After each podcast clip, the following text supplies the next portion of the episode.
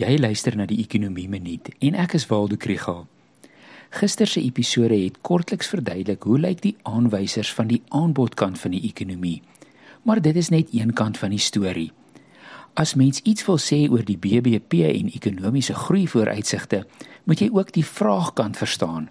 Met ander woorde, verbruiksbesteding, investering, owerheidsbesteding en netto uitvoer. Hier is 'n kort opsomming van daardie aanwysers. Daar is 'n klomp aanwysers wat leidrade gee oor hoe dit met verbruikers gaan. Statistiek Suid-Afrika publiseer kleinhandel verkope syfers en dit het jaar op jaar met net 0,1% gegroei in Mei maand. Banks of Africa se ekonomiese transaksies indeks was laer in Junie maand. Mens kan ook dink in terme van huishoudings se vermoë om te bestee en dit gaan oor besteebare inkomste en die gebruik van krediet. Banks of Africa se sogenaamde Take Home Pay Index neem die afgelope jaar af. Die Reserwebank weet weer die kredietverlening aan die private sektor en dit het oor die afgelope jaar stadig gegroei selfs met die stygende rentekoerse.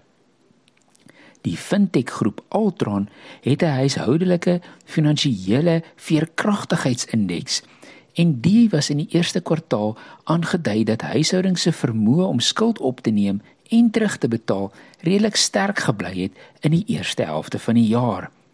Die Buro vir Ekonomiese Onderzoek se verbruikersvertroue indeks het egter onlangs afgeneem. Maatstawwe van investeringsbesteding is nie so gereeld beskikbaar nie.